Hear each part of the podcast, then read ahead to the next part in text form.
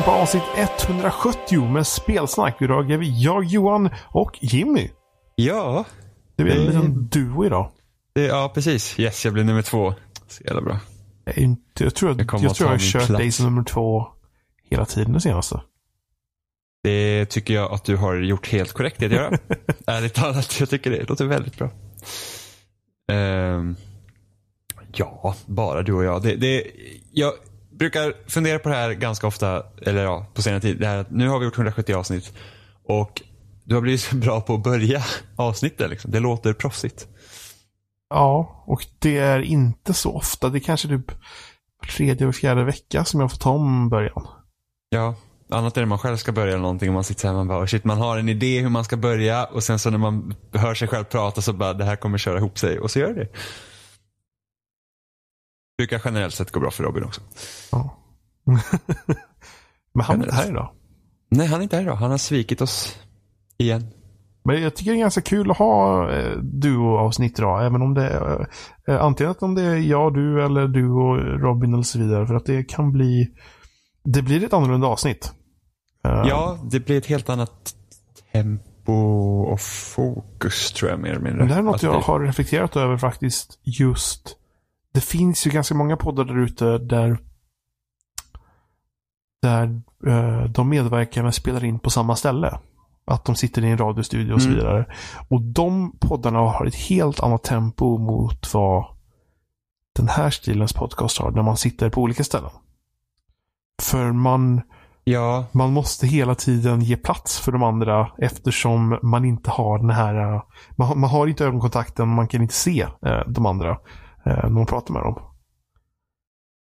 Ja, och sen märker jag, när jag klipper avsnitten, i- så märker jag ofta att det kan bli så här, alltså det kan bli en paus och så, så, så tänker man okej, ingen har tagit den platsen och så försöker någon fylla i den och sen börjar två Ja. prata samtidigt. För att man liksom, man, man, man ingen kroppsspråk, ingenting, man ser inte det. Eh, så det hade, man kan lösa det genom att sitta med webbkamera, typ det är Skype fördröjning. och sitta och kika på varandra. Ja, det är sant. Ja. Det är sant. Men typ Google Hangouts, har inte det blivit bättre typ? ja, de har typ lagt ner hangouts typ just nu tror jag. Men de, de, ska, för, men de ska göra om det och, och satsa på att det ska köras till företag istället tror jag. Eh, så då kanske det blir bättre. Jag vet inte. Men ja. Vi fick ju det förslaget en gång om att vi skulle typ sitta och köra alltså till våra videopoddar så att man liksom Ja. kan se ansikten och sådana Men det blir grejer. inte bra bild alltså. Eh, Och sen om man ska skicka nej, Sen om man ska spela in lokalt som gör med mikrofoner, då blir det mycket videofiler som jag ska skicka fram och tillbaka. Det, det blir stort. Ja, men precis. Det, det blir det. Eh, om inte, ja precis. Jo men så, så är det. Om man inte typ, det finns säkert något program där man kan sitta med alla rutor i en och sen så kör man någon cam recorder. möjligt. Eller något sånt. Eh, men det är liksom, det är ganska skönt att kunna sitta och se ut i princip hur Ja, man vill. När man sitter och podcastar istället för att till vår Plus att videopodcast eh, och känner jag är... Jag, jag tycker det är lite utgående. Det var väldigt poppigt ett tag med videopodcasts. Um, sen finns undantagen. Mm. Jag tänker på typ Rooster Teeth som kör ju alla. De kör ju videoform på allt. Video och ljud på alla deras poddar. Um, Men Mm. de Men de har också Ja. studiosätt liksom det, det känns mer som Ja, en talkshow då. Eh, sen har vi väl de som Eh. gör att de typ sitter i en radiostudio och även filmar. Eh, men ja, huvudsaken är väl att man kan lyssna på det. För, för mig är podcast någonting man kan lyssna på när man sitter på tåget eller när man ja, behöver något att lyssna på. Jag tycker ljudformatet är det Ja. specifika för, med podcast för mig. Ja, och någon gång tror jag jag funderar också på att lägga på typ gameplay-videos och sådana grejer i i YouTube då så att det blir liksom någonting att titta på om de, någon känner för liksom att se där. Men det, det är också sånt som tar så himla mycket tid och speciellt om man vill ha, ha relevanta eh, videoklipp för Jag det man som, pratar om. jag tror som skulle bli distraherande också. jobbigt. Det kan bli det.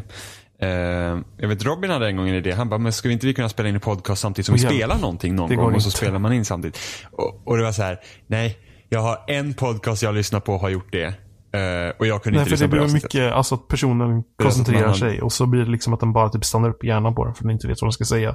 Ja, och sen har man ingen, om man då som jag också lyssnar ju på mina podcasts, jag sitter inte på YouTube och tittar utan jag lyssnar i, i mobilen. Så då blir det också så att jag har ingen relation till det de spelar just nu. Jag ser inte vad som händer för dem så jag vet ju inte liksom när man kan eh, Alltså det händer någonting för dem vilket gör dem distraherade och Mm. jag vet inte var, varför. Och det blir så himla jobbigt att lyssna på. Så det är faktiskt typ det enda avsnittet jag inte har lyssnat Med, på. eh, får Jag sa det här går inte. Det var Rebel FM. Också en spelpodcast. Obviously. Men spel. Eh, De har teasat Ja. till Far Cry 5 var det va? Är vi uppe i. Yes. Eh, Precis nu i minuterna antar jag det verkar som det var va? Ja, typ. Ja, det kom ganska tätt in på från att vi ska Ja. börja spela in här. Eh, och vilket är lite kul att vi sitter här varje år, och, eller varje ja, vecka typ bara Ubisoft blä, så bara oh, Far Cry Men 5. för mig är Eh. nog Far Cry-serien den som har hållit sig bäst faktiskt. ja, jag har ju bara spelat trean. Ja, och fyran är väl typ samma, är mer av samma sak. Ehm, Ja, vilket är anledningen till att jag inte har spelat fyran. Ja, jo.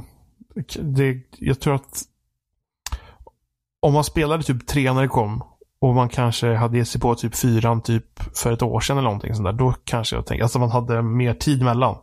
Så att det nog funkat bättre. Men om Mm. man kör dem direkt när de kom och så, då kanske Ja, just Men kom inte fyran kanske typ, var lång. Kom det året efter? Nej, det var ganska lång tid va? Nej, det var inte så länge. Det var ganska Var det? tätt inpå.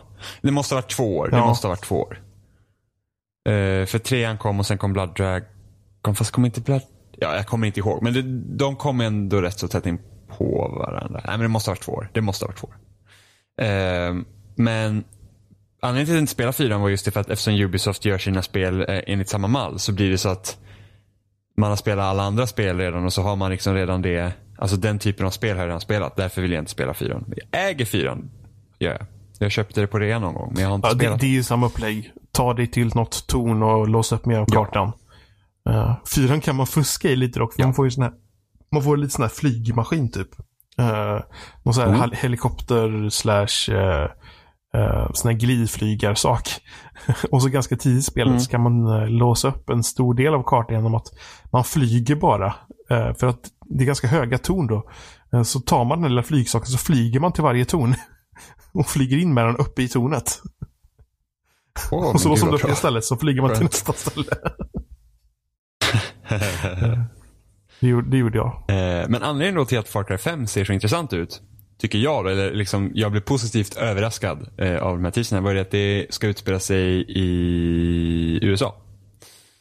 Eh, I en, ja vad ska man säga, ett, ett, ett låtsasområde i Montana som de har hittat på liksom.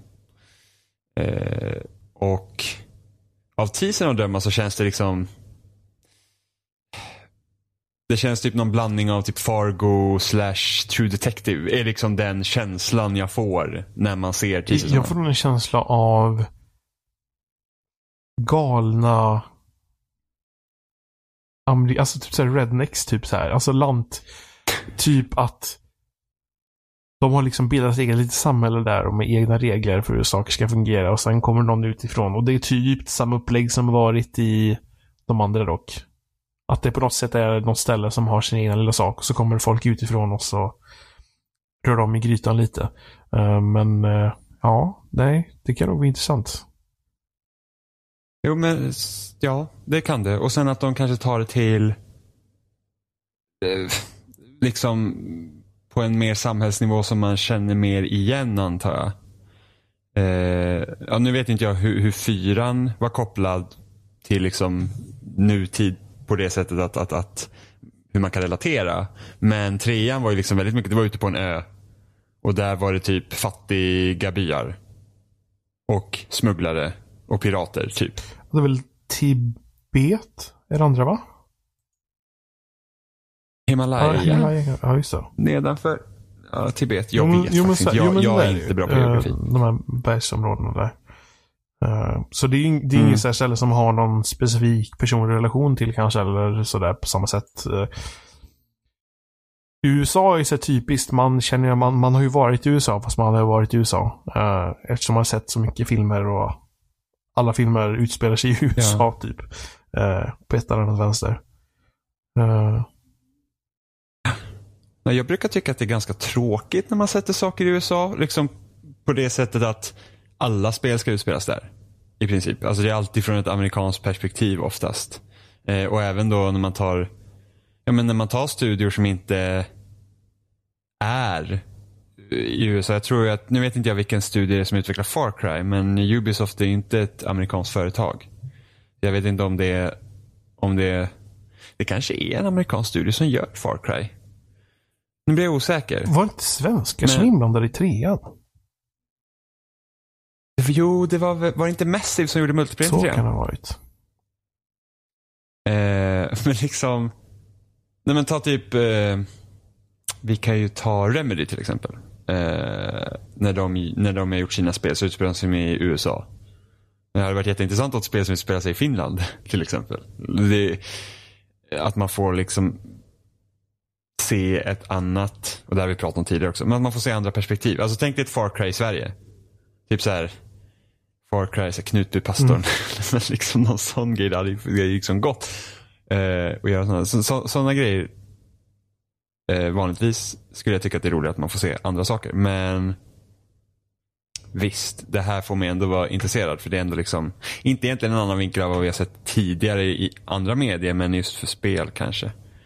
Inte helt ovanligt heller. Nu vet jag inte vad jag svamlar om längre. Men, men det är liksom det är en intressant vinkel på Far Cry-formulan kan man väl säga. Eh, det är Montreal som gjort fyran, så det är alltså Kanada. Kanada. Och ah. Montana ligger då... på gränsen till Kanada. Även om det är liksom, Montana ligger mer mot, eh, mot västkusten medan Montreal ligger mer mot östkusten. Men, eh, mm. men ja. det ligger på gränsen till Kanada. um. okay. Ja men då så. Då, då, då tar jag tillbaka allt jag sa. Eh, men, då, men det är i alla fall i, i, en mindre befolkad del av USA. Så det är inte liksom New York, Los Angeles eller något sånt. Så det är ändå kan ja, vara intressant. Jag får väl se. Jag antar att de, eh, det är standardsågen att de teasar nu och sen visar de på E3. Nej, de ska visa oh. det på fredag. Mer. Så att det ska bli spännande oh. att se. Eh, vad faktiskt är. Och så får man ju hoppas att det ser eh, inte bara ut som mer Far Cry utan att det faktiskt finns en, en någon form av utveckling. Som, jag vet inte, såg du Destiny 2-revealen? Jag har sett delar av de där klippen som visades. Eh, jag har inte sett allt faktiskt.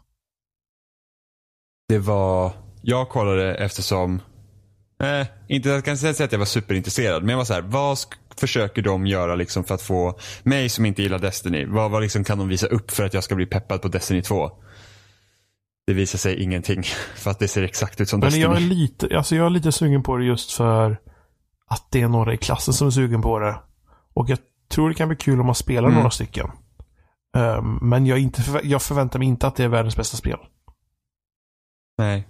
Jag gillar inte Destiny alls i princip. Jag tyckte verkligen att det var Alltså det, det, det är liksom, jag vet att många, och jag vet Martin framförallt har ju sagt att det är typ det bästa liksom, känslan i en shooter någonsin. Och så bara, det tycker inte jag. Uh, och jag tycker inte fienderna är speciellt intressanta. Uh, och uppdragen är skittråkiga och sådana grejer. Så det finns liksom ingenting för mig där om jag ska vara intresserad. Uh, och då tänkte jag, men då kanske visar upp någonting nu som gör att, att, att liksom väcka intresse hos mig. Men de gör ju i princip spelet för sina Destiny-fans.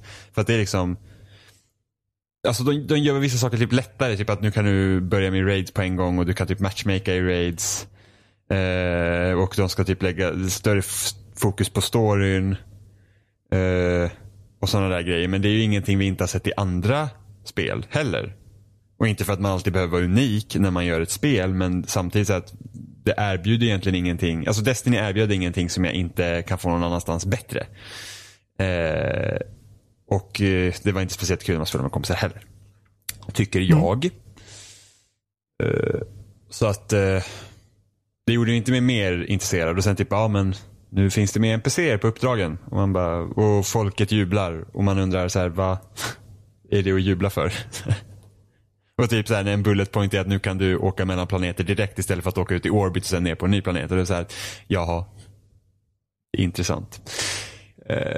men de hade ändå stort fokus på just community-aspekten och liksom att, att, att eh, man ska få typ alltså att man liksom kan lära känna personer som man spelar med och sådana grejer. Så det tycker jag är kul. Eh, eftersom jag skriver C-uppsats om ämnet just nu så är jag inrotat på den biten. Men det, det var så här, oh, det är i alla fall intressant. Eh, sen får man se om spelet blir bra. Jag tror inte att det kommer vara någonting för mig. Mm. men jag har spelat spel. Jag har faktiskt sett till att införskaffat eh, Prey. Jag kunde inte hålla mig riktigt, kände jag.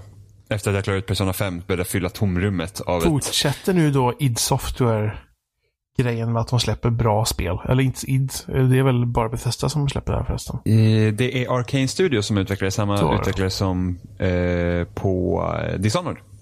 Ja. Eh, och nu köpte jag inte det precis vid launch utan det, eh, det var någon vecka efter för att det, det fanns vissa så buggar i spelet. Eh, typ på PC så kunde du komma liksom till en, som bara förstörde din, du kom liksom inte vidare. Det liksom var helt gamebreaking. Vilket de verkar ha löst nu. Eh, men hittills så skulle jag säga att ja, Bethesda fortsätter att ge ut bra first person spel. Eh, jag tycker Prey är väldigt, väldigt bra. Jag skulle faktiskt sätta Prey på ett av de bättre spelen som har släppts i år. Alltså det, det kan vara topp tre av de jag har spelat. Eh, och kort och gott, det är i princip Bioshock plus Dead Space. Plus Alien Isolation. Typ. Men jag är riktigt sugen på det. Eh, ja, alltså det är riktigt, riktigt bra. Alltså det är typ det här, man, man har hört folk pitchat eh, idéer till Bioshock. Så här, men vi kan få en Bioshock på rymdbas eller något sånt där. Och det här är typ Bioshock i rymden. Jag, gillar att de pratar på det, för där har man ju System Shock. Ja, precis. Och System Shock. Men jag har inte spelat System Shock så jag vet ju liksom inte. Och det var precis det Erik sa när han var med. Jo, Eh, Men Bioshock System- är ju typ en, en själslig uppföljare till System Shock. Mm. Eh, Och System Shock utspelar sig i rymden. Ja, eh, och jag tänker även upprepa det Erik sa att ju mindre man vet om spelet desto bättre. Jag hade ju själv önskat har man sett E3-trailers och sånt där så vet man liksom att spelet utspelar sig i rymden. Alltså man, man liksom vet det på förhand. Men spelet bygger upp till den revealen eh, på ett sätt så att man ska typ, åh, är vi i rymden? Och det är så synd Ja. att de har visat det innan Ja. i marknadsföringen. För det typ Assassin's Creed, när det utannonserades och när det visades ut på E3 så fick, visste man bara att det var ett spel som utspelade sig i medeltiden. Och sen kom hela nutidsaspekten. Eh, det visste ingen om förrän man spelade spelet. Mm. Tror jag. Eh, och det hade varit så himla coolt här också. Om man inte hade vetat att det var i rymden. Att man liksom marknadsfört det som att ah, men det är typ ett företag på jorden som gör massa grejer. Men nu tror jag i och för sig att första Prey också hade typ aliens och sånt med sig. Eh, det, är, det känns ju förmodligen som det är... Det är ju när utvecklarna och utgivarna är lite ur synk. Och att det är coolt med saker i rymden på något sätt kanske är så det är enkelt att marknadsföra det på det sättet. Ja, alltså Ja. jag tror att det är liksom nödvändigt. Annars vet jag inte hur du hade marknadsfört spelet. Liksom. Nej, Eh, precis. Så, att, så att det är väldigt svårt. Men liksom just i sp- spelet så bygger de även upp till den revyn att man ska typ bara holy shit. Typ. Eh, vilket inte inträffar för mig då. Eftersom jag redan visste om det.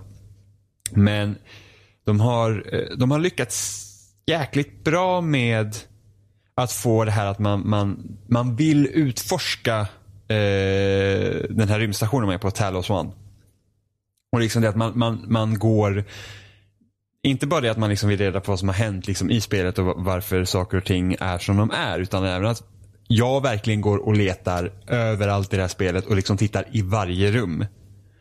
Eh, bara för att det är liksom så himla, vad ska man säga, intressant designat, alltså rent estetiskt. Liksom. Att det ser, det, ser, det ser trevligt ut, man vill liksom veta vad som har hänt, man vill liksom läsa e-mails från eh, på, på liksom olika datorskärmar och sådana här grejer. Eh, och så kan man hitta sådana här transcribes, så här mp3-filer typ som man får höra. Ja men audiologs, alla Bioshock liksom. Och alla andra spel sedan dess. Eh, och liksom få veta vad som hänt och folk pratar med varandra. Man får liksom veta hur, liksom, hur livet har sett ut på den här stationen. Men det som man verkligen lyckas med som gör också att det är värt att utforska och det är den här klassiska grejen också som finns i Bioshock den här att man kan ju typ plocka upp nästan allt. Även Half-Life 2 liksom, så att man, man kan liksom plocka upp de flesta grejerna. Eh, och man kan liksom samla på sig skräp men det är inte i onödan för att i princip nästan allt i spelet kan du recycla. Du kan liksom återvinna dem för att få material för att kunna uppgradera dina vapen och bygga typ medkits och sådana där grejer. Vilket är en jättesmart grej att göra för att få dig att vilja plocka upp massa onödig skit.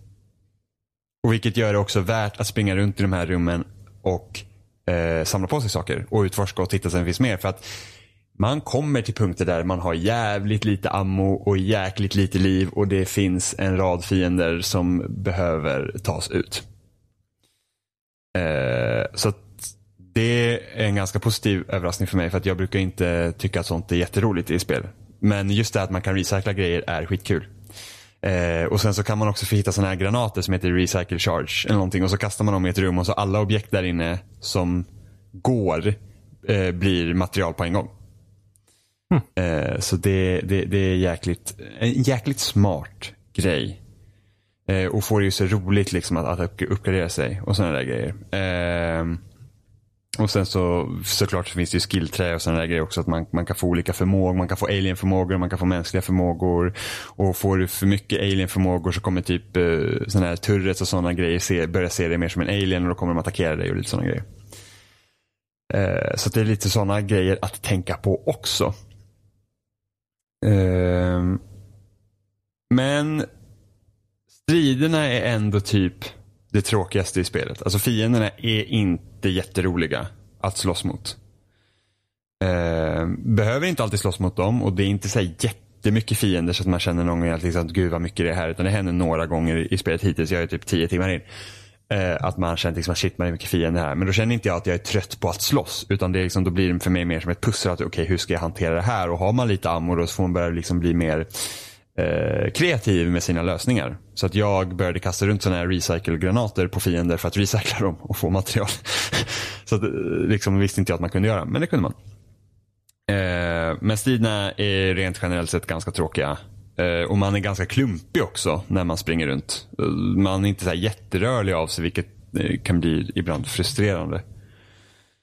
när man ska liksom försöka hoppa undan och dodga. Det är liksom inget Doom direkt. Mm. Men, men striden är den svagaste delen i spelet. Men det, det är liksom, jag känner inte att det på något sätt stör. Eh, det är värre i början när du inte har, när du typ bara har en skiftnyckel och liksom kan slå ihjäl fienderna. För då känner man verkligen så att jag vill bara utforska den här platsen just nu. Varför måste jag slåss mot dessa fiender? Börjar man med en skiftnyckel?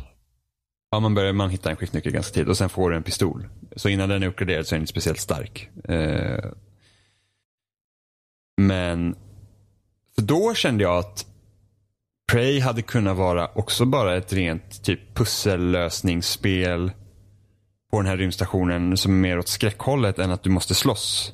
För att det gäller ju liksom att hitta koder och nyckelkort och sånt för att kunna komma in överallt i, eh, i, i, liksom i alla rum och sådana här grejer. Och det hade ju kunnat vara ett sånt spel egentligen utan strider där man är, liksom att det är mer ett, ett skräckspel där du är mer utsatt och liksom kanske måste undvika fiender och sådana grejer samtidigt som man då ska lösa det här mysteriet på skeppet och kunna ta sig in i olika rum. Eh, och, och, för att liksom få tag i då nycklar och koder för att liksom kunna komma fram till slutet. Så att, ja men typ The Witness fast inte lika extremt åt pusselhållet. För det kände jag i början att det hade ju varit jäkligt intressant. Liksom att okej okay, jag måste in i det här rummet, hur ska jag komma in dit? Och sen så får man typ lösa det på något sätt. Eh, för det finns ju ofta olika vägar du kan gå in i rum. Du har ett vapen som heter Glugan som skickar ut typ så här. eh, ja, vad ska man säga, någon form av typ stora limbollar mm. liksom, som klistrar fast sig på väggen och då kan du klättra upp på olika saker och, och komma runt. Eh, och ibland kan man liksom, har du upp, uppgraderat så att du kan lyfta starkare grejer, ja då kan du liksom, då kan man lyfta saker i vägen och komma in på rummen den vägen. Men ibland kan man inte det för jag har inte satsat så mycket på det. Så jag kommer ofta inte in i sådana rum. Så då får man försöka hitta en annan väg om det finns. Och vilket det oftast gör. Eh, så att spelet hade i princip kunnat vara ett sånt mer pusselspel snarare än en shooter äventyr. Liksom. Eh, och speciellt i början är, är, är, det liksom svårare att ha det. Men, men sen så får man förstå liksom att det, shooters går väl typ hem antar jag. Och jag vet inte hur man hade sålt in ett spel där du typ inte har strider. Eh, det fastnar ofta i det träsket alltså. Ja men det gör, alltså, det, gör det. det. Det är lite tråkigt för att man känner att, och sen beror det på hur, liksom, hur långt ska spelet vara och kan man hålla intresset uppe på det sättet. Man liksom, som vi pratade för några veckor sedan om eh, What Remains of Edith Finch och så jämföra dem med eh, The Chinese Room-spel. Där The Chinese Room-spel är ganska långa och där du bara går och egentligen inte gör någonting vilket de liksom för mig blir de tråkiga efter ett tag medan What Remains of Edith Finch var så pass en fokuserad upplevelse att det inte blev tråkigt fast man bara egentligen gjorde typ samma. Eh, och jag känner samma sak här, att det hade typ varit ro, alltså det hade varit intressant att se om någon hade försökt göra det. Liksom att, att ta bort fiender och de gånger fienderna finns, låt dem liksom vara något du behöver undvika. Eh, och du kan kanske försvara dig på något sätt, men liksom det är inte fokuset på att ta ut dem. Eh, och sen så bygger det då på att liksom ja men se spelet som en labyrint och du ska ta dig ut. Exempelvis. Eh, Men annars är det, det är liksom, annars är det på typ samma nivå som Bioshock. Bioshock hade inte heller mycket fiender och sånt. Utan det var ju mycket att man kunde gå runt i de här rummen och liksom systematiskt ta sig igenom dem. Och när man tar ut alla fiender liksom på ett ställe så kommer de inte tillbaka så länge du är där. Eh, sen när man liksom då kommer längre fram i spelet och sen återbesöker ställen, då har det kommit nya fiender. Liksom, eh, av rent logiska skäl att det finns fiender på platsen. Eh, samma sak i Bioshock också. Men du kan liksom känna dig säker efter ett tag. Men jag känner verkligen att det här spelet är riktigt, riktigt bra. Jag, det, liksom, det kom precis rätt i tiden nu för mig också känner jag att det, det var liksom ett sånt här spel jag behövde. Precis som när, när jag spelade Alien Isolation första gången. Då kom det också rätt i tiden. Det var liksom såhär, oh, det här spelet behövde jag just nu. Uh, och just det här med att det är liksom den formen att det är speciellt nu när det är så att, oh, du har öppna världar hela tiden. Det är, liksom allt, det är så stort och så här, gör lite vad du vill, gå hit om du vill, gå dit om du vill.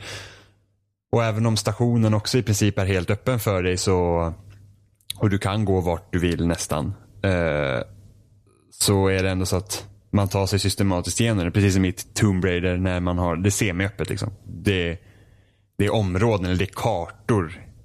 Man säger. Eh, samma sak samma... i Dead Space. Och Doom också. Och Doom, precis. Men du kan inte gå tillbaks i Doom va? Det är, utan det är banor i Doom. Nej. Nej. Men det är ju att du kommer till ett område och du kan gå runt där.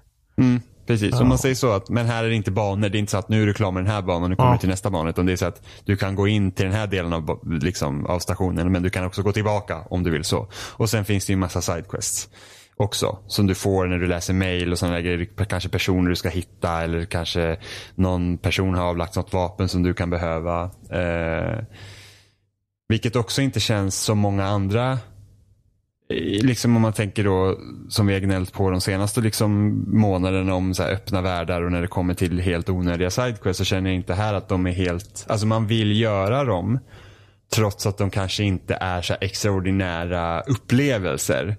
Eh, att det är det är ju inte mycket mer att du kommer hit, öppnar den här dörren, tryck på den här grejen, prata med den här personen. Som egentligen inte är så kul men de har gjort det så bra just för att och det känner jag också är mer tacksamt när man spelar ett första personsspel, är att det är roligare att utforska. Man känner sig, det är större inlevelse när man spelar ett första personsperspektiv. Än, än när man spelar i tredje personsperspektiv. Därför var det mm. helt otroligt egentligen att Zelda var så kul att utforska. På det sättet. Eh, men om jag ska nagga lite sidequesten så är det att ibland känner jag att jag klarar sidequest och jag känner så att vad var det för upplösning? Nu kommer inte jag riktigt ihåg vad det här sidequestet var för någonting. Och varför skulle jag plocka upp den här saken när vi inte gör någonting mer med den? Eh, så det är väl lite tråkigt. Men det är inget som drar egentligen ner helhetsupplevelsen på det sättet. Utan det är, det, jag tycker det är ett väldigt bra spel. Det är en väldigt positiv överraskning. För att jag hade inte ens Prey på min radar. Egentligen, utan det bara blev så. Helt enkelt. Ja, det var allt jag hade att säga om Prey. Bra spel, bra skit. Det är kul med spel i rymden. Tycker jag. Det är någonting med rymden. Jag spelar så mycket spel i rymden. Jag vet inte. Kanske inte har. Alltså jag måste tänka också vad jag spelade sist i rymden. Alien Isolation, Dead Space. är väl två spel. De har inte jag spelat. Du har inte spelat? Har inte du spelat Dead Space? Nej. Första spelet är riktigt bra. Alltså första, spela första spelet. Det är riktigt bra. De andra två kan du skippa. Även om tvåan, halva tvåan är helt okej. Okay. Jag tror att senaste, senaste, ett av de senaste jag spelade, ja, Doom spelas ju rymden faktiskt. Det är på Mars. Mm. Men andra Season Shock 2. Oh, yeah. jag, jag, jag, jag minns rätt. Man börjar med skiftnyckel i det spelet. Som man gör det? Ja. Det, det gör man i Bioshock också. Nej, Något... rörtång. Är det en rörtång i Bioshock? Ja, det är det. Amerikansk rörtång. Men får man skiftnyckel? Ja. Nej, det amerikansk... kanske är rörtång. I för sig, har... nu tror jag i och för sig att det är en rörtång i, i, i, eh, i Prey också. Ah, Men det är lättare att säga skiftnyckel. Vilket spel är man? Jo, det är i Ratchet Clank har man en stor skiftnyckel.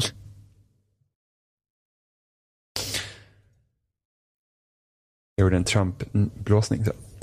Du tänker på sån här? Jag var tvungen att länka på en bild. Ehm. Ja, precis. En sån får Sån man i Prey också. Bioshock. Så ingen ja. skiftnyckel. Ja, det var dåligt. Fact-checking squad. Ja, jag vet. Det var dumt, dumt av mig. Nej, men jag känner nog att det är nog ett av de spelen som, som jag har på listan på att det kan jag tänka mig att köpa. Utan att det är på för mycket rea faktiskt. För att det, Mm. Ja, Bethesda levererar igen. Dock måste jag säga att deras review policy kan fan dra sig och hänga sig Ja. någonstans. För att ärligt talat, eh, nu har Prey hade problem när det släpptes. ja. Eh, och jag tror Dishonored 2 hade problem när det släpptes. Doom höll ju och det var också deras, exempl- deras exempel på att det skulle Ja. funka. De, Eh, de skrev i princip, alltså det var, Doom var ju ett bra spel så vi lurar inte folk. nej, men alltså, inte för att de egentligen, vad ska man säga, lurar folk. Men det det att det finns ingen chans för spelkritiker att kunna kritisera spelet innan. Men på samma sätt, förboka inte. Det, det är väl lite enklaste man kan säga Ja, då. Eh, och vänta. Eh, men samtidigt så att i en perfekt värld ska man inte behöva vänta om man inte vill. man kan i princip bara vänta och köpa det dagarna efter releasen i värsta fall. För då, vet, då får man ju reda på om det är stora problem med spelet. Ja. Ja men det, det är rätt så intressant det här med, med förbokningserbjudande. Att liksom det, det existerar ju fortfarande.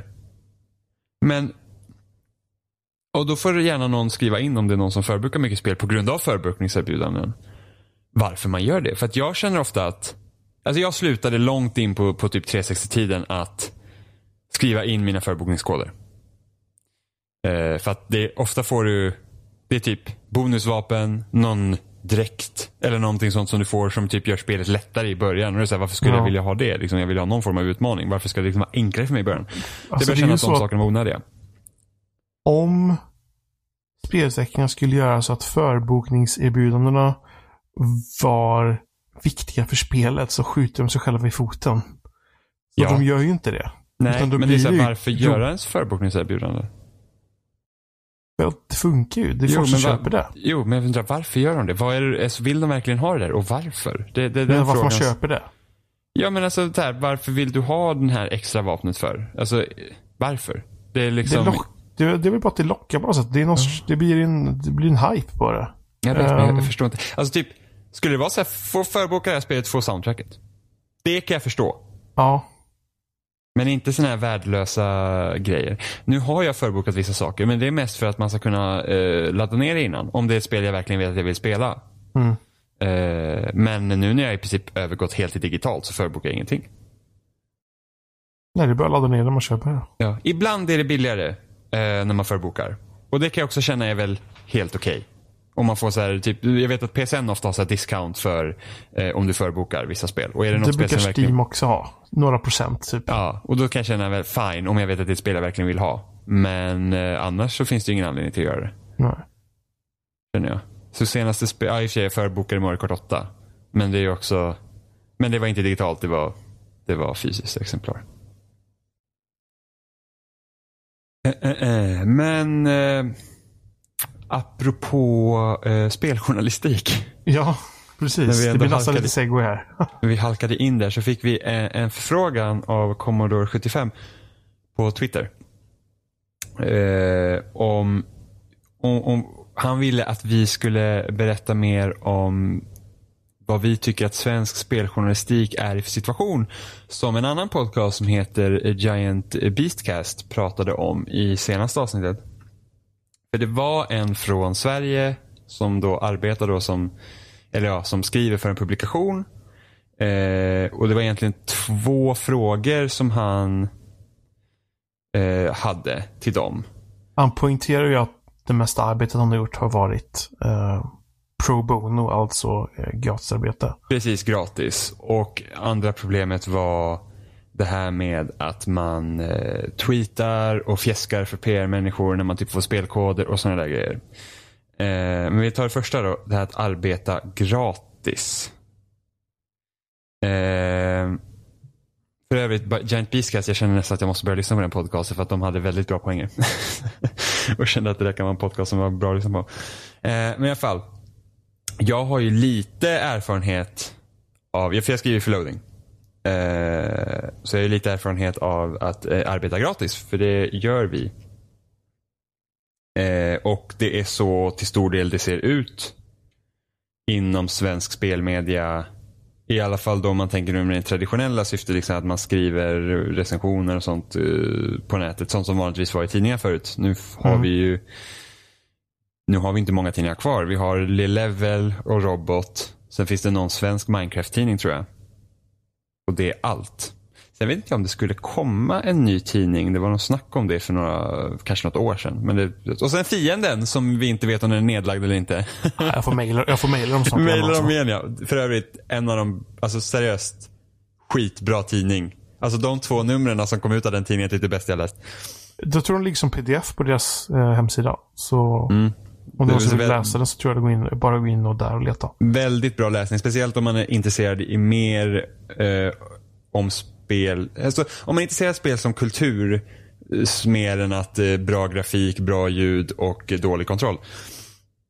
Men i alla fall. Eh, så ja, de flesta arbetar gratis. Jag tror på loading så är det bara Oscar som får betalt, men han skriver ju också för Level och han är liksom anställd av Reset Media. Vi är inte anställda på loading. Eh, utan vi skriver vi skri vi, det vi skriver gör vi gratis. Det vi får då är, vi får ju spel och vi får åka på eh, resor och liksom pressresor om vi vill, om vi får bli tillfrågade och någon får det uppdraget. Men det är inte lön kan vi säga. Att, att eh, jag delar inte den eh, åsikten om att det på något sätt skulle vara liksom lön. Utan, men, utan det, det, det får vi för att vi ska kunna göra vårt jobb.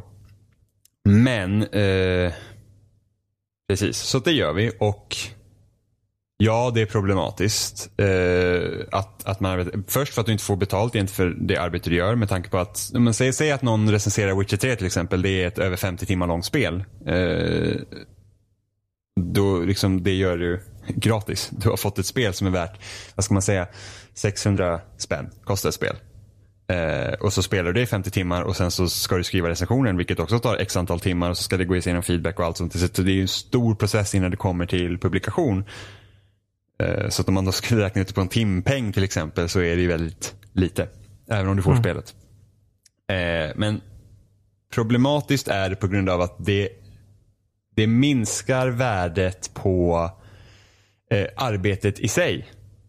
För att om alla arbetar gratis så behöver man inte betala någon för att göra det arbetet. För att alla gör det gratis. Eh, och så ser det ut liksom inom de största Alltså, nu, nu vet inte jag exakt hur det ser ut överallt och loading är ju knappt störst längre. Jag tror att de på FZ tror jag får betalt. Exempelvis. Mm. Eh, Och, de har ju, och de är ju en del av Geeks Publishing.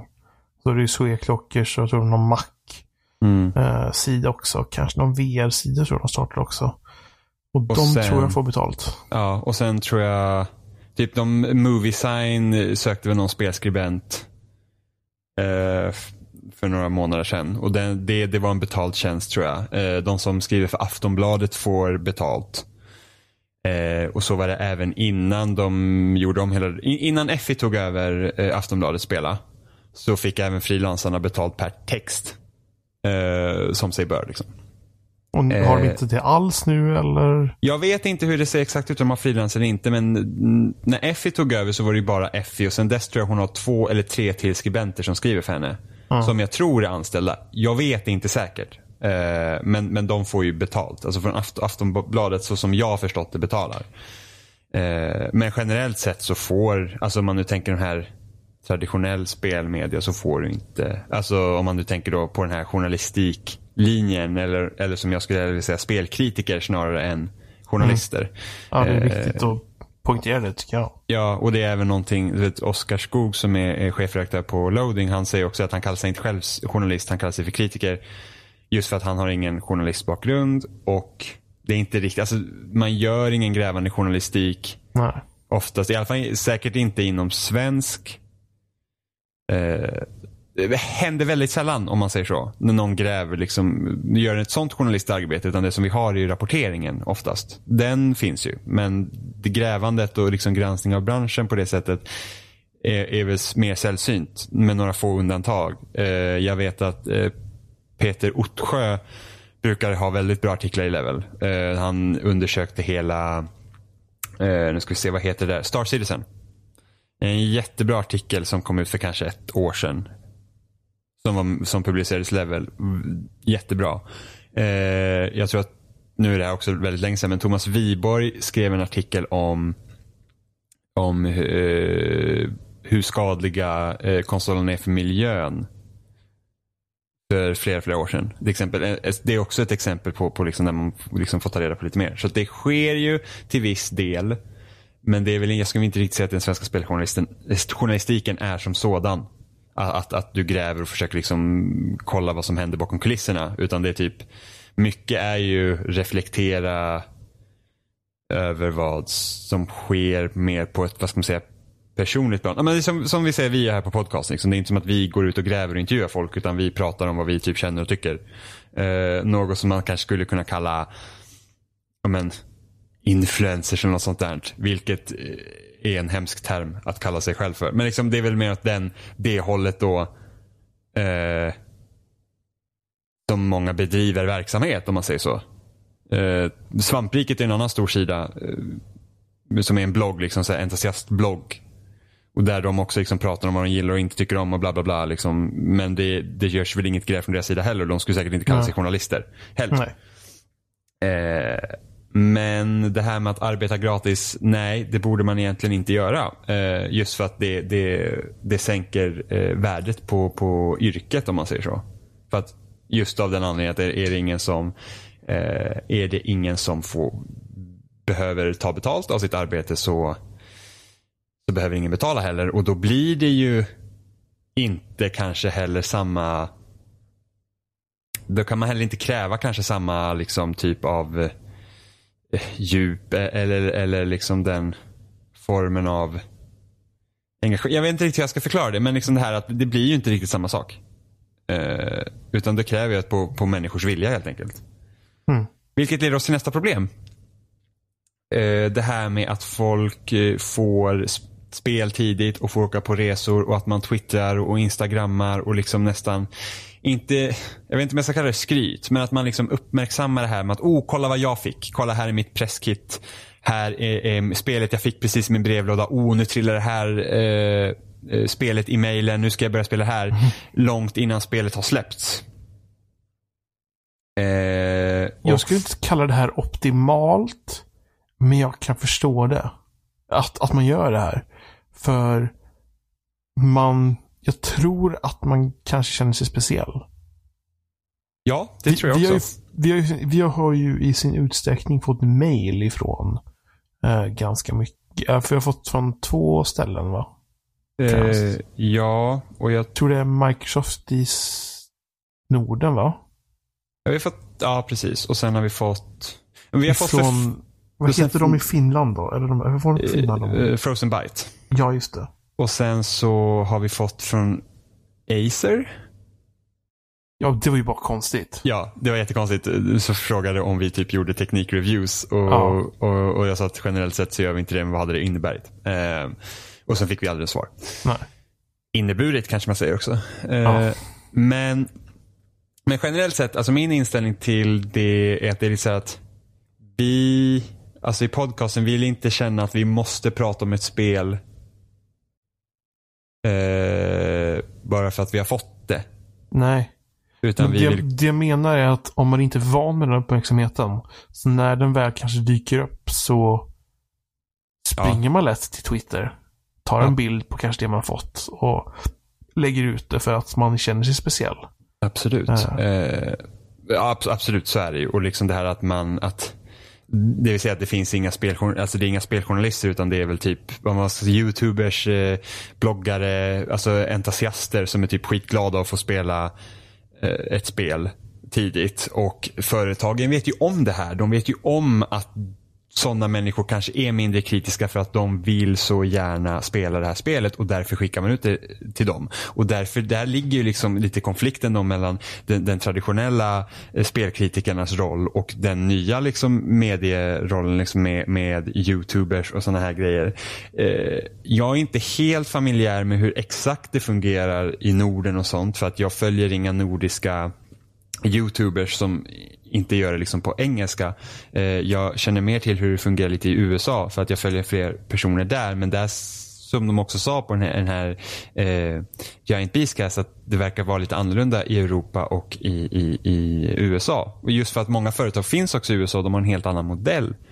Men även där känner väl, jag tror du håller med mig Johan, att, att där skulle också behöva vara mer gräv också och lite mer kritik snarare än hur det ser ut. Liksom. Alltså det är väl nationellt att, att som, som vi nämnde förut också, att det är ju kritik. Det mesta. Mm. Uh, Precis. Det finns ju faktiskt folk som gör journalistiskt arbete. Jag vet att Kotaku eh, har många gånger kommer liksom med, med, med eh, ny information som vi inte har fått tidigare för att de gräver och kollar liksom och sånt. Så det sker ju till viss mån men inte så, så mycket som kanske jag tycker att det borde, eller så, så mycket som jag är intresserad att det borde vara. Men jag vet inte riktigt vad man förväntar sig.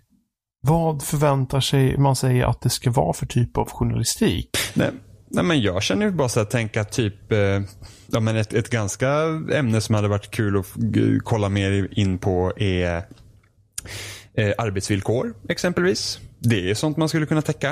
Eh, hur det fungerar liksom speciellt i Sverige, liksom, hur, hur fungerar det egentligen? Men det här kan ju egentligen alltså, vanliga journalister också gräva i. Eh, hur arbetsvillkoren ser ut i spelbranschen. Finns det några fackföreningar? Bla bla bla. Sådana grejer. Eh, men det här med att man, man kanske går mer än att... Alltså det, lite djupare, kanske inte det ytliga. Eh, men generellt sett, eh, om vi nu ska återgå till det här med att man tweetar ut grejer och sånt. Så att när jag får ett, och jag kan ju bara prata för mig själv. När jag får ett recensionsuppdrag så existerar inte det spelet i mitt huvud när jag skriver på sociala medier. Jag är inte superaktiv heller. Men det är så att, säg att jag får, ja men, jag säger att jag får recensera nästa Halo. Mitt första grej är ju inte att jag tar upp mobilen, går in på Twitter och bara, ja gud, nu trillar Halo ner i min, i, i min eh, brevlåda här. Nu ska jag spela Halo två veckor före alla andra. Fan vad kul. Utan det är så att nej, det här spelet existerar inte förrän embargo släpps för recensionen och den går upp. Ibland, jag tror att jag någon gång kanske tweetat att ah, men min recension av det här spelet kommer ut imorgon. Uh, och det tycker inte jag är samma sak. Som att liksom skylta med att det här spelet fick jag. Utan att liksom ha någon form av, vad ska man säga, eftertanke. Förstår du vad jag mm. menar? det här med liksom att men det är typ så här, ja nu ska jag recensera det här. Alltså det hade typ nu ska jag recensera det här spelet. Uh, så här tycker jag kanske om tidigare delen av serien. Eller någonting. Jag vet inte. Nej, det var ett dåligt exempel. Jag helt enkelt tweetar inte om spelare recenserar förrän recensionen går upp i princip. Uh, för jag ser inget värde i att tweeta ut att jag har fått spela ett spel före alla andra. Om det inte är bunden till någonting text eller en podcast eller någonting som, som jag har gjort i samband med det. Liksom så att det går ut. Liksom att jag har recenserat Halo. Ni kan läsa det här. Vilket är loading, för det är det jag skriver för. Eh, och, du, du har gjort det ett tag nu. Ja, tre år. Jag, jag, eh, jag, tror att på samma gång som de man ser på Twitter och så vidare, det är inte första gången de gör det. När de gör det nu. Nu är det ju folk nej. som har varit i kontakt med den här scenen ett tag. Men ändå är det Instagram och Twitter som det dyker upp på direkt. Ja. Eh, Ja, men så är det ju. Och det är ju ett sätt för att få uppmärksamhet. Få folk, alltså det är ett sätt för att locka till sig ja. fler följare så att folk liksom är typ peppade på vad ja. du gör. Eh, och liksom kan följa med dig. Och den biten kan ju jag mm. förstå. Eh, men då är det också viktigt att man skiljer sig. Att, att, att, att man måste ju vara medveten om det. Att den här personen kanske inte är så kritisk till, till det den kommer spela eller visa upp. Och att man kanske då inte, jag ska inte säga oärligt, men att man lämnar ut vissa aspekter. Liksom att och det har ju varit sånt problem med, med typ Battlefield 4 och sådana här grejer när mm. YouTube har fått spela spelet. Som att det blir förlängd reklam utan att du faktiskt säger ja, att det är reklam. Här, så här, åh, när du spelar det här spelet, ta inte upp de här aspekterna för det är här dåligt. Här har du ju problematiken med influencers. Det är ju ja. här det dyker upp med att de blir, de blir så glada när de visar upp det här de vill visa upp. Uh, så det blir väldigt... Det kan bli positivt. Det kan bli problematiskt med att det kanske, att det, det, det blir väldigt, det blir mer partiskt än vad det brukar vara. Eh, det blir aldrig eh, opartiskt eller eh, vad ska man säga, inte opartiskt, vad menar jag? Det, det är något ord. Um, objektivt. Det blir inte, det är väldigt, alltså en, det kan aldrig bli objektivt. Är det rätt? Nej. Objektivt är det man menar. Precis. Det, det, nej, eller ja. Alltså du kan inte... Alltså så här. I podcasten i Giant Beastcast så sa de en väldigt bra poäng att PR-människor och företagen är inte dina Mm. kompisar. Och det tyckte jag var en väldigt bra poäng som jag tror att många missar. Det är det här att Jo, du kan vara vän med, komp- med för folk som, som arbetar i industrin. Alltså, Emma arbetar för EA och vi är kompisar med henne till exempel. Det är, liksom, det är klart vi är kompisar. Men det är så att om Emma kommer till mig i, i egenskap som PR-person. Det har inte hänt. Eftersom vi, vi, vi är liksom nära kompisar. Men i alla fall om hon ska göra det till exempel. Att hon kommer till mig i form av PR-person. Så i den, i den stunden så är inte hon min kompis. Utan hon har ju ett syfte när hon kommer till mig med någonting då. Och det vet ju jag om. I så fall. Återigen, det har inte hänt. Men, liksom bara som ett exempel. Eh, jag har inte varit på många sådana här pressgrejer heller. Jag, eh, som, som liksom har delat ut då sådana här presskits som man får massa grejer.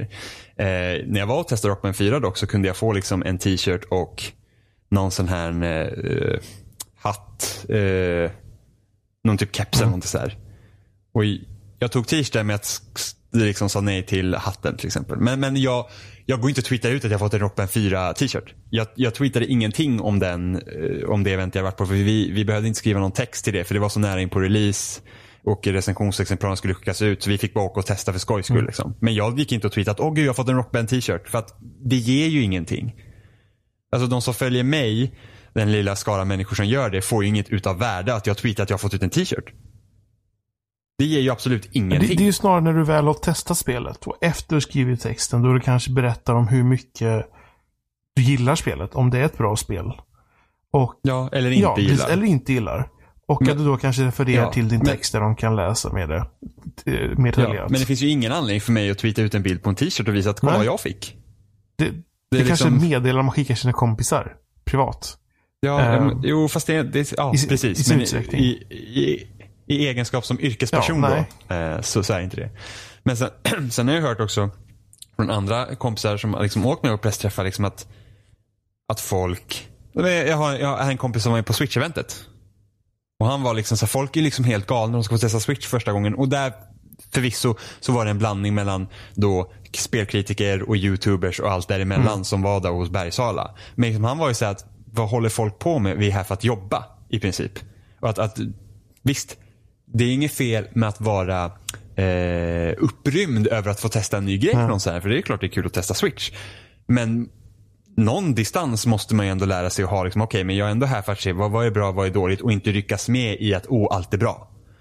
Eh, för att det var ju så att när jag, har, när jag recenserar Halo Master Chief Collection, då fick man ju spela med, med delar ur 343 och andra liksom personer runt om eh, liksom Europa då blir det för oss.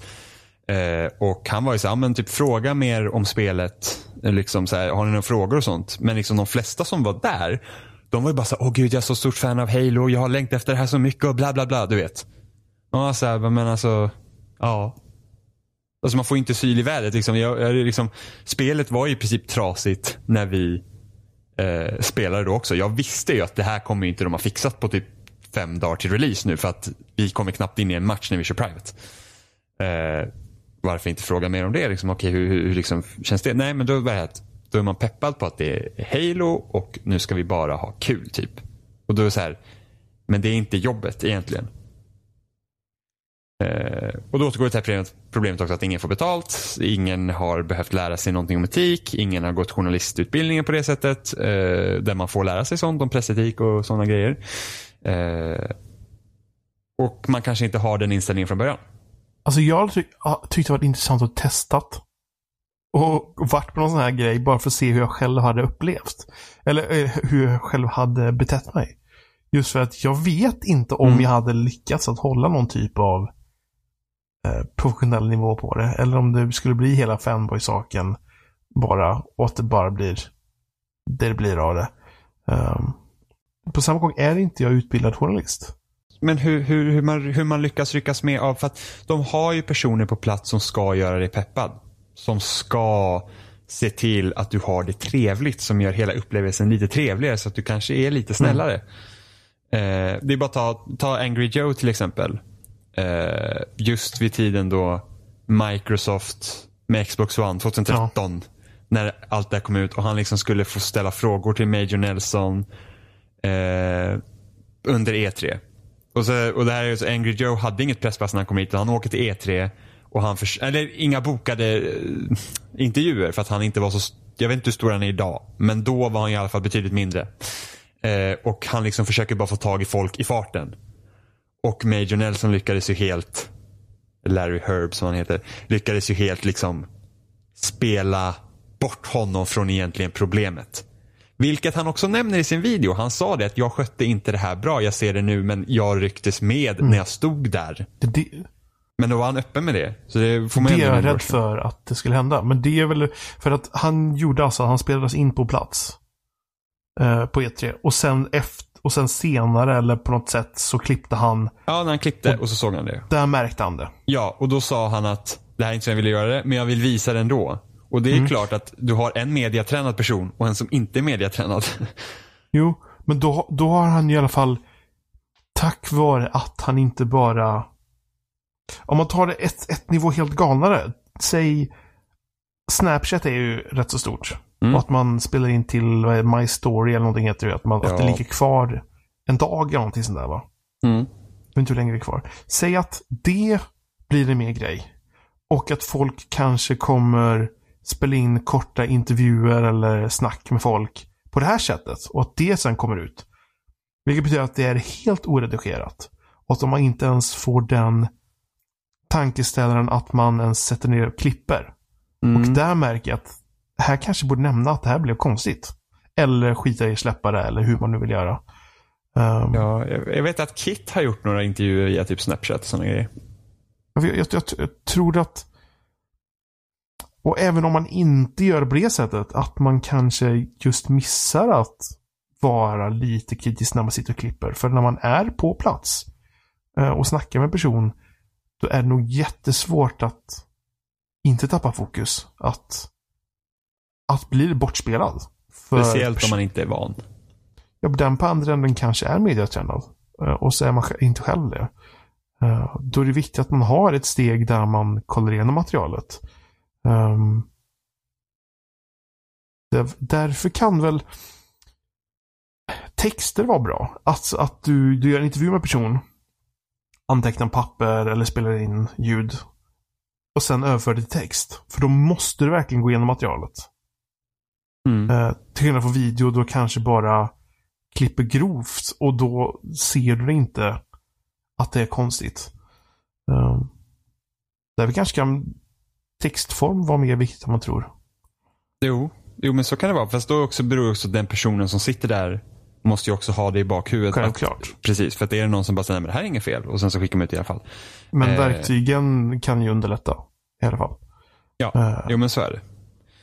Eh, men sen så är det också viktigt att det är skillnad mellan kritiker, journalist, eh, sådana som de säger enthusiast press, youtubers, influencers och sådana grejer. Ja. Eh, och det har jag sagt flera gånger i den här podcasten, jag tycker inte om influencers eller youtubers på det sättet som det ofta är. Och just det att man liksom man pressar på och liksom det är kul att vara kompis med PR-folket. Det är kul för att man har liksom, ja men tänk nu att, tänk om drömmen är att arbeta med spel eller på något sätt inom industrin. Och sen får du bra kontakt med PR-personer och du liksom inte, och det är liksom, det här är din dröm. Och det är liksom, ah, nu, nu är någon fot inne och gud vad kul. Liksom. Man blir ju, vad säger man, troll, trollblind, vad säger man? Trollbunden va? Jag vet, ja, jo, Jag vet men, inte. ja, jag vet inte vad jag vill säga. Men man blir... eh, Ja, jag får inte rätt ord på det här. Men man, man, man blir ställd kanske. Och det, det blir magiskt på något sätt att man, åh, nu, nu händer det. Plötsligt, plötsligt händer det. Ja, jo, men det är typ Jag vet inte, nu har inte jag träffat, jag har inte träffat någon större Jag har ju inte träffat någon större spelpersonlighet så länge jag skriver floating. Eh, eftersom jag inte har varit med, åkt på resor direkt och sådana eller gjort intervjuer. Jag har varit på väldigt få saker. Eh, så jag har inte träffat någon så här som jag typ ser upp till på Nej. det sättet. Kanske hade jag betett mig jättekonstigt. Men, men alltså jag, jag försöker ändå alltid sitta här att jag, jag liksom, ja, så här vill jag att Ja, så här vill jag att folk ska vara när de täcker spel. Så här vill jag att man ska bete sig. Så här vill jag att man ska göra. Och det är det jag försöker tänka på när jag gör saker. Därför tweetar jag inte ut när jag får en recensionskod. Jag tweetar inte ut när jag får spel. Jag bryr mig liksom inte om någon jävla goodiebag. För det är inte Mm. det som arbetet innebär. Ehm, så, så, så tycker jag att man ska vara. Och sen vet Mm. jag att folk generellt sett är, inte är så. Och då har vi problemet här. Du har inte folk som är betalda, de har inte den utbildningen. Det har inte jag heller. Eh, jag har ingen journalistutbildning. Nu går jag i och för sig på eh, högskola. Och läser medie och kommunikation. Medie och Man får, ju, kommunikationsvetenskap. man får ju lite med bara man är på högskola Ja. och får skriva rapporter. Då du måste få med etik eh, och de här reflektionerna eh, och källkritik. Eh, Så man får en liten bonus då, men det är fortfarande inte på djupet som kanske en riktig, eller som en riktig journalistutbildning gör.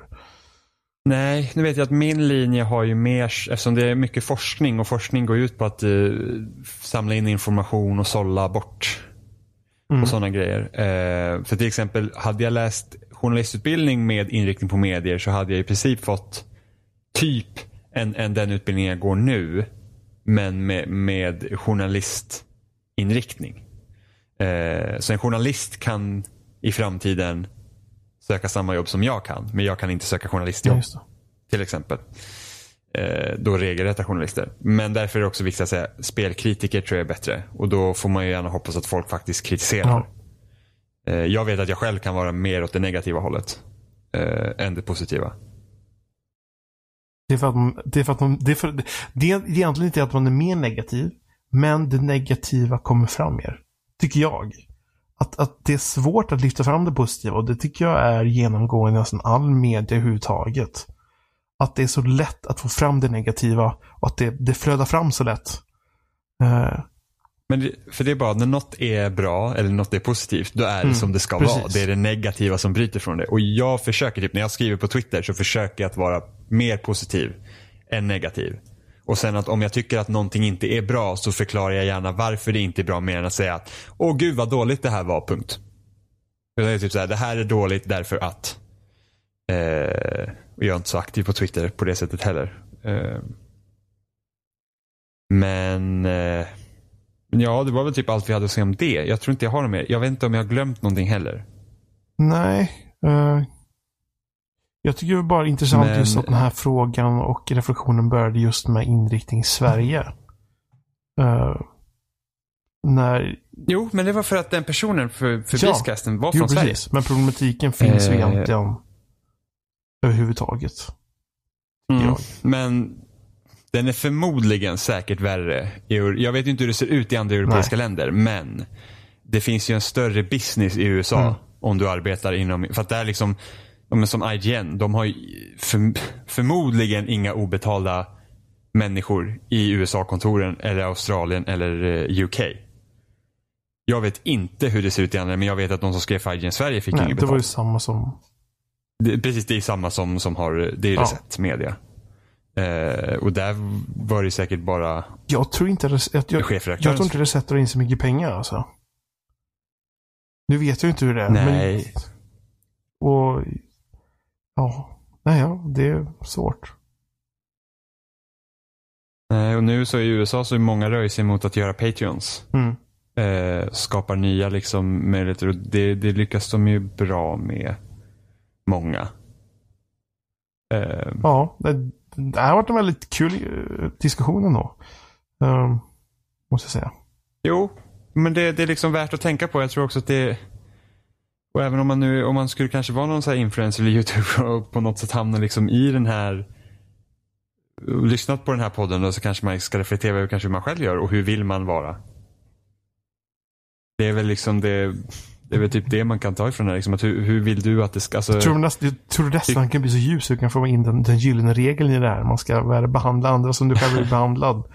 Eh, ja, kompis med alla. ju, nej, men alltså det är väl snarare det att du ska själv, om du själv är någon typ av influencer eller spelkritiker eller någonting så får man kanske tänka hur hade du velat få information? Alltså hur hade den informationen du får av andra, hur vill du att den information du får av andra ska vara? Alltså, jag tycker knappast att personer vill att det ska vara att informationen kommer, kommer till dig och så visar det sig att men det här kanske inte var helt rätt. Uh, man, man, får nog tänka på just vad man själv gör utifrån. Hjälp vad rörig jag blev nu. ja, men jag, jag, jag, jag, hoppas vi har kunnat typ svara på frågan på något ja. sätt. Uh, jag vet att, alltså, med den, jag, jag, kan inte kan inte helt prata om allting. Som jag, för jag har inte, jag har inte allt för stor insyn. Jag vet ju till exempel inte hur, jag vet ju inte hur det ser ut till exempel på levelredaktionen.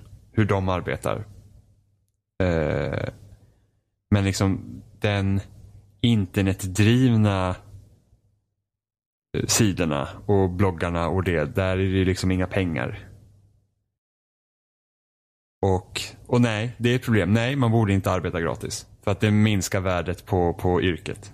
Ja, jag tycker inte heller, jag, fast jag, jag tycker både och. Jag tycker inte man ska förvänta sig att få pengar heller. Men däremot när man ska göra ett specifikt arbete för någon, där man får lägga ner mycket tid på det, så Ja. Ja men det, så här, behöver inte ha 20 stycken eh, heltidsanställda på en redaktion till exempel. Det, men liksom egentligen korrekt sett så borde du få pengar för varje recension, varje artikel, varje, varje grej du skriver. Och egentligen så räcker det inte att säga att men du får publicitet. Eh, för att det är liksom Jo, det hjälper ju också till. Det är liksom att många säkert, precis det sa de också i den här eh, podcasten, var ju det också att de har också arbetat gratis på sina ställen och det har hjälpt dem att få det mm. arbetet de har. Men samtidigt, finns det några sådana arbeten i Sverige? Att få ens? Och ju fler gånger du ju fler, ju fler gånger du tackar ja till saker du inte får pengar, desto mindre chans tror jag att du får någonsin få pengar för det du gör. Alltså här, jag tror steget i Sverige det är typ att bli en PR-människa. Från att ha skrivit gratis. Ja, det är dit många har tagit sig. Ja, men det är för det är, det är liksom där i så fall du kan få betalt. Thomas, vi, vi, alltså, jag älskat att göra det här för liksom pengar. Vi, vi, vi nämnde Thomas Wiborg förut. Ja, jo han jobbar Avalon. på ja, Avalanche precis. tror jag. Ja, men han fick ju också betalt för sitt arbete. Innan. Han fick mer betalt. På nästa ställe. Ja, säkert. Um, men, men jag tror väl det, du vet dock inte vad de gjort från början, men det är väl folk i Nördigt. Det är väl någon som jobbar på någon Namco Bandai eller Bandai eh, Namco eller vad den heter. Ja, Tove Bengtsson. Eh, hon, hon skrev ju för SvD tror jag. Tror det? Spel, spel. Någon var, större morgontidning tror jag. Dagbladet? Men Svenska Dagbladet är väl SvD? Nej. Va? Vilka är SvD då? S ja, SvD sa du. Ja, tyckte du jag sa ja! SVT? Nej. Nu, nu, SVT har nu hänger jag med. SvD, ja, precis. Jag tror det var det. Och sen så la de ju ner hela sin, eh, sin spelredaktion. Och det kommer ju, eh, i alla fall morgonsoffan-grejen kommer försvinna från SVT. SVT ja, då? Sveriges Television. SVT, ja precis. Uh, to, uh, vad eh. heter det Thomas Arn... Nej? Thomas ja. Arnroth. Årets journalist blev han. Han, han är jättecharmig att kolla på när han är med i Morgonsoffan. Äh, ja, kommer aldrig, glömma, kommer aldrig glömma bort när han körde eh, Plague Inc. Ja. och döpte viruset till ebola och satte det i ett fattigt land för det var mycket bättre där och det blir ju ramaskri.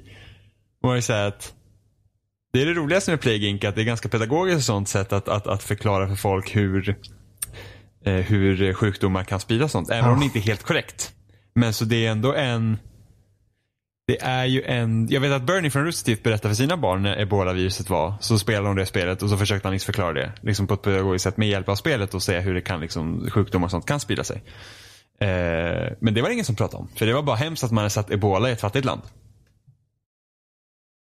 Och det, liksom, det finns väl en sanning i att det är därför sjukdomar sprids och sånt. Ja. För att man inte har resurserna att kunna hantera dem. Så att eh, där, där, den sakfrågan är väl bra mycket viktigare än att bli rädd för att sätta ebola i ett fattigt Nej, land. Men om han försvinner från Sveriges Television i videoform då? det, det försvinner ju. Jag menar, Aftonbladet spelar ju inte samma format som hade förut heller sen FI tog över. Sen säger jag inte att det blivit sämre, men det är annorlunda. Uh, det är mer känsla ja, av en blogg nu väl? Ja, det tråkigaste tror jag när FI fick då basa själv över Aftonbladet spela var ju det att det var väl flera positioner som blev en position helt plötsligt. Uh, nu har de ju flera anställda där också. Så att, men jag jag brukar inte läsa Aftonbladet spela. Inte jag heller. Ja. Det var väl, jag hoppas att vi lyckades uh, inte röra till allt för mycket. Jag, tror, jag tror vi får börja runda av det faktiskt. Vi har pratat en bra stund. Ja, ja, det har vi. Det blir längre än vad jag trodde det skulle bli. Det, det brukar bli det när man är två för att det är mycket det... enklare att, att diskutera och dra ut på saker. Som när jag och Robin körde typ så här en och en halv timme Mirror's Edge Catalyst. ja men ni är extrema. Ja men det var så ett spel också. Var bara utpratat hur länge som helst. Ni kan bli, ni kan bli ett hets, het, hetska också när ni kör på mot varandra också. Ja, jag vet. Och det värsta är att vi kan också dansa runt ett ämne i all evighet. Och ofta märker inte Robin när vi bara bollar samma sak med varandra. Så då måste jag säga, nej, nu kan vi inte diskutera längre. Nu, nu är det slut. det var så, han bara, jaha. Och man bara, för nu har vi sagt samma saker i typ fem minuter till varandra och vi kommer ingenstans. Sen blir diskussion om det verkligen har sagt samma sak. Ja, sen så kan det hända också, precis. Eh, men, eh, ja, men det, vi har blivit bättre faktiskt. Vi har, de senaste gångerna jag och Robin varit själva så har det blivit en timme. Jag tror faktiskt att du och jag brukar köra längre nu, Johan. Ja, men det är för att vi, det är väldigt sällan som jag är med när det är två känner jag. Eh, Fast nu har det varit ofta. Ja, det har blivit lite obalans i kraften. När, när Robin helt plötsligt börjar behöva lägga tid på annat börjat, i livet. Han har börjat förslappat sig känner jag. Nej. Han ger upp. Han har ett liv. Vem ska, vem ska vi byta ut nu då? vem, vem ska vi dra in istället för Robin nu då? Han, han också lämnar oss. ja. Nej men det är väl dags att runda av kanske. Ja, det tycker jag. Ja. Vi finns som vanligt på spelsnack.com där ni hittar länkar till YouTube, Facebook, RSS-flöden, iTunes. Och vi finns på loading under en liten rolig podcastfreak eh, där ni kan klicka vidare till spelsnack.com igen om ni vill det. Um, vi dyker upp som nyheter på loading.se där ni kan kommentera om ni vill. Uh, och vill ni kommentera på andra sätt så går det att skriva på YouTube och det går att skriva på iTunes. Och ni får väldigt gärna mejla till oss om ni vill. Um, eller twittra som, som kommandor. Ja, eh, precis. Gör som Commodore 75. Twittra till oss på ett spelsnackpodd. Ja. Jag tycker för övrigt det är väldigt kul att han lyssnar med tanke på att han lyssnar på andra så här, väldigt så här prestigefyllda poddar. Lyssnar han på är, lilla oss också. Det är kul att ha en variation på saker. Ja, eller hur. Vi har de bra poddarna här och nu måste jag väga över något dåligt här borta. Ja. Där ligger vi i botten av sopkorgen. Uh, det är kul. Ja, vi säger väl då då. Ja, det gör vi. Så ses vi nästa vecka. Hej då. Hej då.